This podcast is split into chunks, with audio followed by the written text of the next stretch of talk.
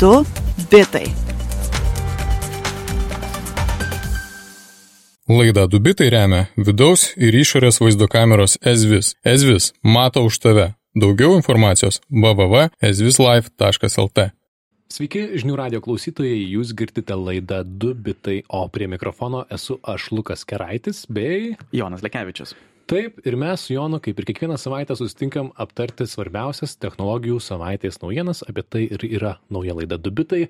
Prieš pradedant pasakysiu, kad Facebook'e turime grupę technologijų naujienos, kviečiame į ją pasikalbėti apie technologijas ir ten. Um, taip pat dabar jau mūsų klausykite visose platformose, kur tik tai galite pasiekti Spotify'us ir kitur, bei taip pat turime savo interneto svetainę dubitai.com. Praeitoje laidoje mes uh, nemažai aptarėme Apple nuotraukų skenavimo iniciatyvą, tam tikras atnaujinimas. Uh, Kelios dienos po to, kai rašėme laidą, Apple persigalvojo ir pasakė, ne, mes juokavim, nieko nedarysim. Ir neterminuotai nukėlė savo iniciatyvą. Um, FF, e, tokia e, privatumą ginanti asociacija, skatina juos iš viso atšaukti savo iniciatyvą. Mano nuomonė, um, Apple palauks, kol galės pilnai daryti atsarginės iCloud kopijas ir tada sugražins tą iniciatyvą kaip tokį uh, skaniau atrodantį sumuštinį. Jeigu norite paklausyti, ką mes šnekėjome praeitą laidą, tai visą tai rasite dubitai.com svetainėje, um, praeitą epizodą, taip pat visus šaltinius ir nuorodas, kurias mes esame skaupę. Taip, taip, sudedam ten šaltinius. Tai štai tokia pirmoji naujiena yra praeitos savaitės naujienos atšaukimas, bet toks gyvenimas, tai pasielgė Apple, neskenuos tam kartui nuotraukų visų, kurios yra padaromos iPhone'ais, nukel šitą iniciatyvą kitam laikui, O dabar jau ne, viena svarbesnių naujienų iš praėjusios ir šios savaitės, tai yra param parapram, palikau Jonai skambutį, tai aš su burna. Taraparam. Pirmoji naujiena iš praeitos savaitės. Kinijos žaidimų laiko limitas. Pasakysiu trečiojų asmenių. Jeigu jūs esate paauglys Kinijoje, jums iki 18 metų, tai nuo praėjusio trečiadienio per vieną savaitę jūs galite žaisti tik tais 3 valandas kompiuterinių žaidimų. Ai, ai, ai, ai, ai, ai, ai. Ir ne tik šiaip 3 valandas, konkrečias 3 valandas. Penktadienį, šeštadienį ir sekmadienį nuo 8 iki 9 vakaro visas Kinijos, e, visi Kinijos nepilnamečiai žaidžia, vos e, išmuša 9.00, visi turi atsijungti. Taip, e, kažkaip gal neįtikėtinai skamba, bet taip, taip, jeigu esi nepilnametis, turi limit tavo žaidimas, kompiuteriniai žaidimai yra limituojami. A, tai na, nauja, naujas Kinijos toksai draudimas. Um, priežastys to a, bent jau oficialiai tai yra nuo žaidimo priklausomų vaikų skaičius, kuris auga, bei platesnis Kinijos siekis pateikti social guidelines, guidelines tai yra socialinės tokias normas, kaip, kaip reikėtų elgtis, kas jau vyksta ir kitur Kinijos politikoje. Bet iš esmės sudėtinga bus tai įgyvendinti, Jonai, man atrodo, jau papasakos, ar ne, nes žaidimų streaminimo platformos turi visos užtikrinti, kad uh, kas žaidžia, tai yra identifikuoti asmenį, kad skaičiuotų, kiek jis laiko praleidžia per savaitę ir uh, tuo labiau, kad jie visi turi žaisti vienu metu skaityk, ar ne? Taip, tą pačią valandą. Šitie apribojimai ir uždėto, uždėti reikalavimai žaidimų kompanijoms yra iš tiesų net sunkiai gyvendinami. Viena, tai dėl serverio apkrovos, kuri tyli yra rami visą savaitę ir tada vieną valandą visi uh, prisijungia. Tai aš manau bus tiesiog techniškai um, nesąmonė. Taip. Um, bet kita yra klausimas, kiek tai yra iš tiesų geranoriškas noras uh, išvengti nepriklausomybę ir kiek tai yra tiesiog noras kontroliuoti žmonės. Mhm. Nes tai, jog visi turi registruotis um, su ta sakoma priklausomybių tarnyba, bet reikia registruoti savo tikrų pasų. E, teoriškai e, žaidimų kompanijos turi užtikrinti, jog prieš ekraną per kamerą kažkokią sėdi tas žmogus, kuris iš tiesų sėdi.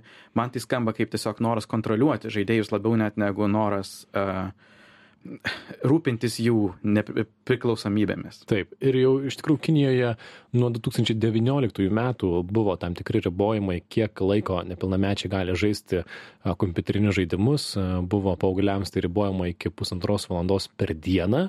Na tai nuo pusantros valandos per dieną sumažinamas tas limitas iki trijų valandų per savaitę ir tik tam tikromis valandomis. Ir mes su Jonu kalbėjom, aš sakiau, galbūt tai paskatins grįžimą prie ne online žaidimų, kai žaidina kaip, kaip mes, kaip aš jaunai senoji, kaip tu tikriausiai senoji vaikystė, ar ne, kur, kur žaidži vienas su savim, niekas online neprisijungia, nes nebuvo dar gero interneto.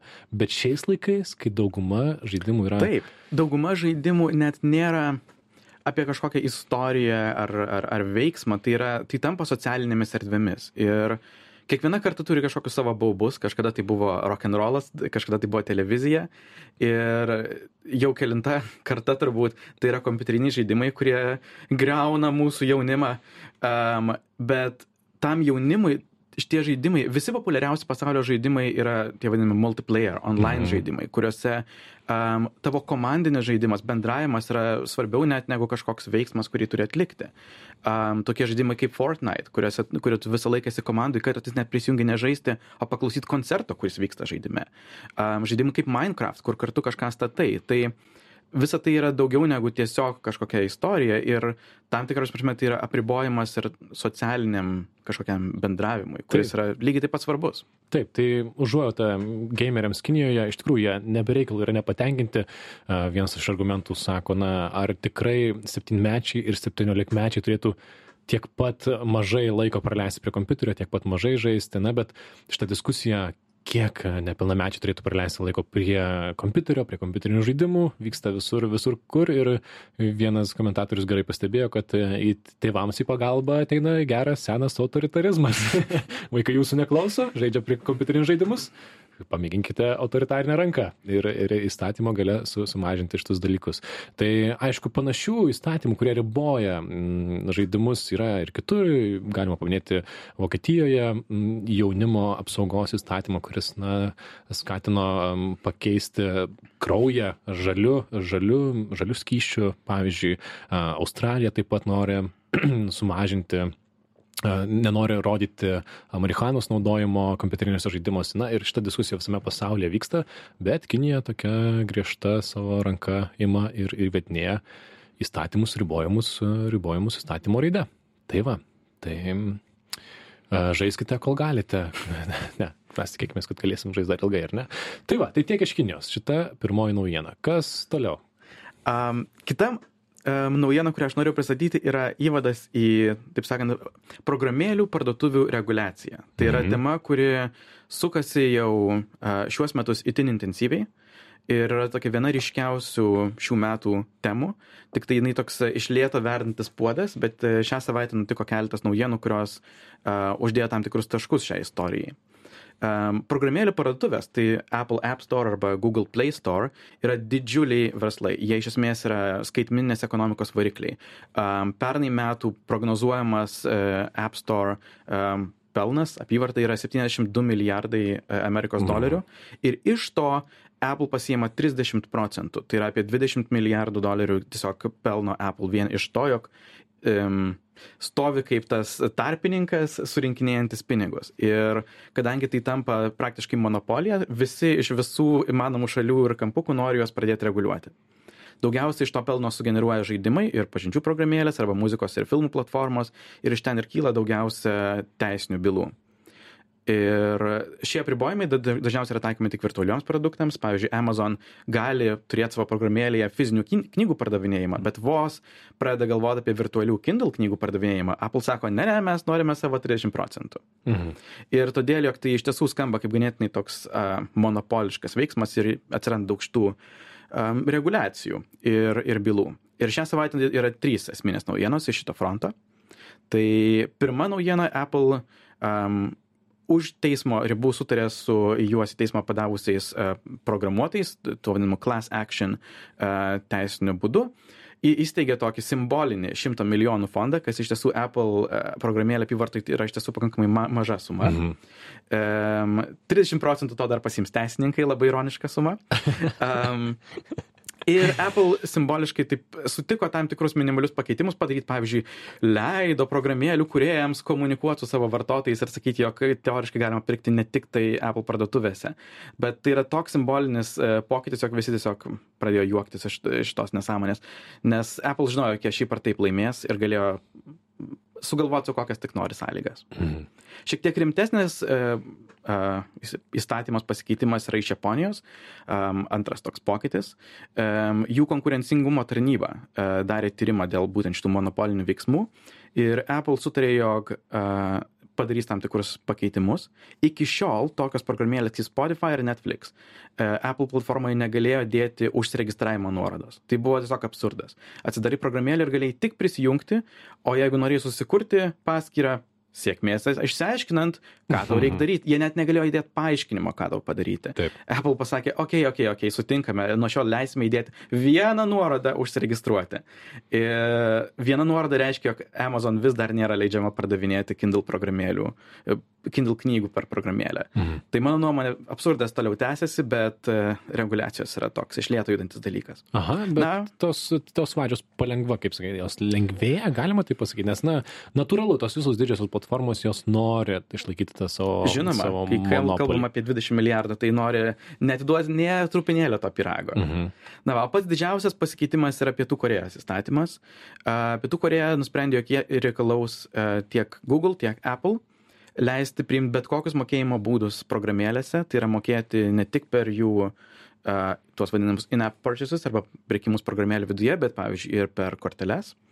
Ir šitas sukėlė visišką paniką tiek Apple, tiek Google. Jie pradėjo eiti į uh, Amerikos valdžią ir sakyti, ei, jie pažeidinėja mūsų tarptautinius įsipareigojimus prekybos, uždrauskite jiems tą daryti. Um, tikėtina, jog jie taip smarkiai nenorės nieko keisti jog jie net mieliau susimokės baudą, kuri yra 3 procentai jų apyvartos toje šalyje, negu iš tiesų ims e, ir padarys tokį įsipareigojimą. Nes tai jau iš tiesų būtų pirmas rimtas pokytis, nebe simbolinis pokytis, o rimtas pirago at- gabalo atidavimas. Ir aš manau, jie spiriosis visais įmanomais būdais ir komplikuos e, savo e, šito įstatymo sekimą ir visais įmanomais būdais apsunkins programėlių kuriejams šito įgyvendinimą. Tai, tai tokios yra naujienos iš to fronto. Aš manau, naujienos nesibaigs, ypač jeigu Pietų Korejai pavyks įgyvendinti šitą įstatymą, tikėtina, kitos šalis pradės kopijuoti ir, ir bandys e, savais būdais pradėti reguliuoti juos. Um, kai kurios kompanijos, pavyzdžiui, Microsoft jau iš karto užbėgo įvy- įvy- įvykiams už akių ir pasakė, jog uh, mes Windows Store nereikalausime jokių procentų iš, iš kuriejų, bet, pavyzdžiui, Epic byla iš pernai vasaros vis dar yra teismuose, tai aš manau, mes toliau išgirsime, kai bus reguliuojamas šitas praktiškai naujos virtualios ekonomikos uh, pasaulis. Mhm. E, Platformos ir jų galios žaidimai. Man atrodo, kad prie šitos temos sugrįšim ir beje, prie Apple temos greičiausiai sugrįšim kitą savaitę. Tikiuosi nepyksti, kad išduodu ar ne, bet e, bus dar Apple naujienų iš jų konferencijos kitą savaitę. Tikrai taip. Kitą antradienį yra jų renginys, tikėtina pristatys naujus iPhone telefonus, turbūt ir naujus Apple laikrodžius. Kai tai vyks, mes apie tai ir pakalbėsim. Taip, taip, tai va kitą savaitę prie to sugrįšim. Tai tik žinių radio klausytojams primenu, kad girdite laidą Du bitai, e, Lukas ir Jonas sėdam prie mikrofono ir aptarinėjom praėjusios savaitės technologijų naujienas, jo dvi didesnės aptarėm, dar kelios liko. Tai vieną jų noriu pristatyti, dar viena naujiena, tai Twitter pradeda testuoti Super Follow funkciją. Um, taip, iš esmės, dabar aš tweetinu kažkas skaito, o dabar bus taip, kad jeigu nori, aš galiu ant savo tweetų uždėti tam tikrą mokamą prenumeratą ir susimokėkite, mėly sekėjai, 3, 5 arba 10 dolerių per mėnesį ir gausite papildomo turinio. Kaip ir galima nuspėti, ką, ką tai reiškia. Tai kol kas šita funkcija tik tais atrinktiems sekėjams, tik tai ant e, Apple įrenginių. Ir, na, vis tiek reikia turėti bent 10 tūkstančių followerių, kad galėtum bent jau aplikuoti iš tos funkcijos turėjimą. Šiaip Twitteris žada, kad pasims tik 3 procentus nuo, nuo, nuo visos kokios sumos. Tai yra įdomi matematika, kad pavyzdžiui, ar ne, jeigu aš turiu Twitteryje 13 tūkstančių sekėjų ir sugalvoju uždėti papildomo turinio, kuris kainuos 5 dolerius per mėnesį ir 2 procentai mano sekėjų iš 13 tūkstančių užsiprenumeruoja tą papildomą turinį, tai aš per mėnesį galiu uždirbti papildomus 900 dolerių, maždaug tiek. Tai visai nebūd, neblogas būdas um, turinio kuriejams užsidirbti ir uh, iš esmės, kai platformos konkuruoja, kuri pasiūlys geresnį būdą monetizuoti savo turinį, tai turinio kuriejai be abejo visuomet laimi. Ar tai prigis šitą funkciją, ar ji bus naudinga, ar ji bus mėgstama, ar Facebookas, Instagramas ir kiti bandys ją nukopijuoti, čia galbūt dar įdomiau. Kaip būtų beprotiškai įdomu pamatyti, jeigu Facebookas sugalvotų na, kažką panašaus ar ne, kad dalis įrašų yra po vadinamoji paywall, tai yra už dalį įrašų turi susimokėti, kad, kad pamatytum skamba netikėtai, bet nemanau, kad negalima to įsivaizduoti, kad niekada net, to nebus. Net nereikia apie tai fantazuoti. E, pats Facebook jau yra pasakęs, jog jie planuoja kurti mokamų e, įrašų srautą, vadinasi Bulletin. Ir taip pat Instagramą yra pasakiusi, Instagram'e, manau, ypač tinka šitas modelis, nes ten yra labai daug tų uh, influencerių, įtaką kuriančių kuriejų. Um, ir, ir tikrai bus labai daug jų fanų, kurie mielai susimokės už tam, tikrą, tam tikrus įrašus, kurie būtų tik tai uh, super fanams, kurie super seks. Taip, super, super follow, super sekėjų, super sekėjų funkcija. O tiesa, grįžtant į prieš tai buvusią temą, Twitteris galbūt pasims 3 procentus, Apple nuo to pasims 30 procentų. Aha. ta, ta, Twitteris gali būti geranoriškas kiek tik nori, kol nebus rimtų pokyčių Apple pusėje, uh, iš kuriejų bus toliau rimtas taip. gabalas nurėžiamas. Taip, taip, tai va, dėl ko apie tai ir kalbėjom, kad uh, tas, kuris stovi aukščiau, platformų hierarchijoje turi, turi didesnę galę. Nors šią akimirką šitą funkciją, kurią minėjau, jinai veikia tik tai Junktinėse valstijose, jie gali išmėginti labai ribotas kiekis žmonių. Um, iš vis Twitteris Lietuvoje, prisiminkime, kad jis, uh, jis, jis yra gyvas, yra žmonių, kurie Twitterį naudoja Lietuvoje. Yra, yra Lietuvos Twitteris yra nedidelis, bet labai jaukus. taip, taip, bet jisai tikrai, tikrai, tikrai, tikrai kuklus, bet smagu, smagu, kad platforma vat, sugalvoja naujų būdų. Twitteris iš tikrųjų pastaruoju metu ir daugiau pristatė būdų, leidžiančių paremti mėgstamą autorių. Tai arba atpinigių stiklainis, kur gali paremti tiesiogiai, arba ticketed spaces, tai yra bilietuotos erdvės, tai mokami uždari audio kambariai, kuriuose galima kalbėtis, na, kažkas panašaus į Clubhouse programėlę ir panašių kitokių būdų. Tai puiku, e, platformos konkuruoja, nuo to turinio kuriejai uždirba tik tais, tik tais daugiau. Kita naujiena mus pasiekė iš Vokietijos. Mm. Um, Vokietija šiaip e, labai mėgsta e, reguliuoti uh, įvairius uh, telefonų gamintojus ar, ar šiaip interneto kompanijas. Ir ši nauja jų idėja, kuri bus taip pat siūloma ir kaip ES įstatymo projektas, reikalautų iš visų telefonų gamintojų palaikyti savo produktus bent septynerius metus. Ir palaikymas šiuo atveju reiškia bent jau saugumo atnaujinimų tiekimas ir taip pat atsarginių dalių tiekimas, jokios būtų galima pilnai remontuoti septynis metus į ateitį nuo pardavimo tai yra dviem metais ilgiau negu europos komisijos siūlomas projektas kuris yra penki metai tad penki ar septyni metai šiaip ar taip tai yra būtų didelis pokytis nuo esamos situacijos Apple, Google ir Samsung, aišku, prašo mažiau, e, sako, gal tik tai 3 metus galim, gal ne visus komponentus, gal užtektų tik baterijas ir ekranus galbūt taip. keisti, um, bet šiaip ar taip tai būtų didelis pokytis, ypač Android telefonams, nes mhm. Apple šiuo metu yra pakankamai geroje situacijoje, jie net operacinės sistemas leidžia 6-7 metus į, į ateitį šiuo metu, bet Android pasaulyje situacija prastesnė, kur kai kuriais atvejais operacinių sistemų atnaujinimai baigėsi vos metams praėjus. Taip, taip, kartais perki telefoną ir jau parašyta, kad po metų arba dviejų tavo operacinė sistema nebus automatiškai atnaujinama. Taip, tai. Aišku, iš kitos pusės Android telefonai yra pigesni ir galbūt tai yra ta dalis, kuri yra juos iš, iš dalies atpigina.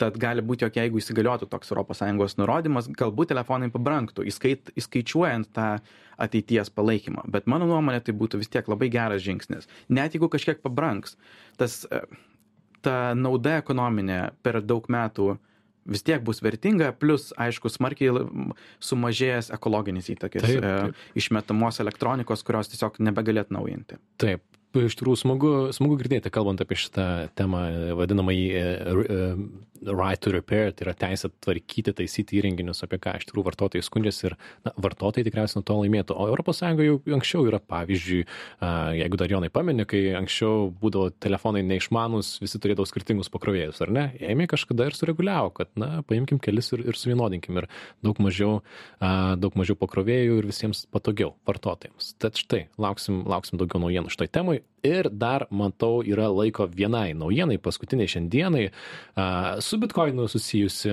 tai ir su Salvadoru, galbūt kažkas girdėjo. Tai birželio viduryje Salvadoro, tai yra Pietų Amerikos valstybė, kongresas prezidento Naib Bukelė pasiūlymo bitkoiną pripažino teisėtą valstybinę valiutą šalia Junktinių valstybių dolerių ir nuo šio antradienio šis įstatymas įsigalioja. Tai yra Salvadorė nuo šiol visos valstybinės institucijos privalo priimti tiek dolerį, tiek bitkoiną. Ir, na, pirmą kartą iš esmės istorijoje kriptovaliuta yra pripažįstama tokiu valstybiniu lygiu. Tai besiruoždama visam šitam vajui, e, Salvadoro valstybė nusipirko 400 bitkoinų O, ir bitkoinas visada tokia smagi tema. Aš va, ruoždamas iš tai laidai atsimenu, pasižymėjau, kad va, vienas bitkoinas kainuoja 50 tūkstančių dolerių. Tada tu, Jonai, man po 15 minučių parašai, pažiūrėk, kas vyksta kripto. Taip, aš užmetu akį, žiūriu, o, 33 tūkstančiai dolerių bitkoinas. Ta pačia diena, kai El Salvadoro įsigaliojo ši taisyklė, uh, turbūt tai nesusiję įvykiai, bet galbūt kažkiek susiję. Buvo didžiausias kritimas nuo gegužės uh, per valandą. Uh, bitkoino kaina nukrito nuo 42 tūkstančių eurų iki 36 tūkstančių eurų, dabar yra grįžę iki 39, bet uh, tokia buvo e, krūvina diena antradienis. Taip, taip, sako, kad galbūt kai kas, kas buvo užsipirkę prieš šitą, na, valstybinį nusipirkimą bitkoinų, tikėjosi, kad jau nusipirks daugiau, užsipirko, galvoja, pabrangs brangiau ir dabar pardavinėjo, na, bet čia yra tokio machinacijų temos, e, daug nelysim. Iš esmės, kas dar įdomu, kad Salvadorė du trečdaliai gyventojų neturi prieigos prie finansinių paslaugų, tai, na, ta bitkoino įvedimas nėra jau tokia visai naivi idėja, tuo labiau, kad prezidentas uh, Bukelė yra, na, labai technologiškai, jisai mėgstantis pas, pasimokyti pasimaivyti, e, netgi kai paleido jau dabar visą šitą reikalą ir kripto piniginę valstybinę paleido, Twitter'e prezidentas rašė, kad e, ar galit prisiregistruoti prie programėlės komentaruose parašyti, ar pavyksta prisijungti ir, ir keikė um, Huawei'aus ir, ir Apple parduotuvės, kad jos nepatvirtina tos programėlės, nes iš tikrųjų tai pirmą dieną jį viskas lūžinėjo, visi žmonės bandė parsisiųsti tą kriptovaliutų piniginę ir, na, bandys naudoti kas dar svarbu kad iš esmės pagrindinė priežastis tokiam na keistokam keistokam sprendimui priimti valiutą kaip kaip teisėtą valstybinę valiutą tai yra tai kad labai daug salvadore mm, emigrantų perveda pinigus į gimtinę būtent na kažkokiais finansiniais būdais ir tai sudaro penktadalį šalies e, GDP, tai yra bendrojo vidaus produkto, tai tikimasi sutaupyti 400 milijonų per metus tai, kad na, finansiniai tarpininkai nepaims pinigų iš, iš, iš, iš, iš tų, kas siunčia pinigus. Taip, ir paskutinis faktas yra tas, jog šiaip ar taip El Salvadoras neturėjo savo valiutos. Iki šiol jų valiuta buvo Amerikos doleris. Tad jie neturėjo kažkokios fiksalinės politikos, kurią galėjo lengvai valdyti. Ir perėjimas prie bitkoino tam tikrą prasme yra tiesiog toks judėjimas į šoną. Tai, plus, Amerikos doleris lieka kaip kita oficiali valiuta. Tad jų ekonomika bendrai yra per maža turbūt palaikyti jų pačių valiutą. Ir perėjimas prie valiutos, kuri turi labai aišku, labai nesunkiai prognozuojamą e, fiksalinę politiką versus Amerikos doleris ir aš tiesiog paprastas e, ir logiškas sprendimas. Na, bet pažiūrėsim, kritikos irgi tas sulaukia. Aš tiesiog jau matau, kaip kripto entuziastai šitą istoriją deda į kiekvieną prezentaciją ir kiekvieną ir pristato kaip success story, e, kaip iš tikrųjų bus, pažiūrėsim su, su, su viskuo. Tai tiek, tiek naujienų, penkias naujienas šiandien spėjome aptarti. Tai buvo laida Du bitai bei aš, Lukas Keraitis ir Jonas Lekevičius. Taip, klausykitės mūsų žinių radijos svetainėje žiniųradijas.lt, rasite visus šaltinius dubitai.com interneto svetainėje ir sekite mūsų technologijų naujienos Facebook grupėje. Mes sustiksime jau kitą savaitę ir aptarsime to savaitės technologijų naujienas. Tai iki. Du bitai. Laida Dubitai remia vidaus ir išorės vaizdo kameros Ezvis. Ezvis mato už tave. Daugiau informacijos www.ezvislife.lt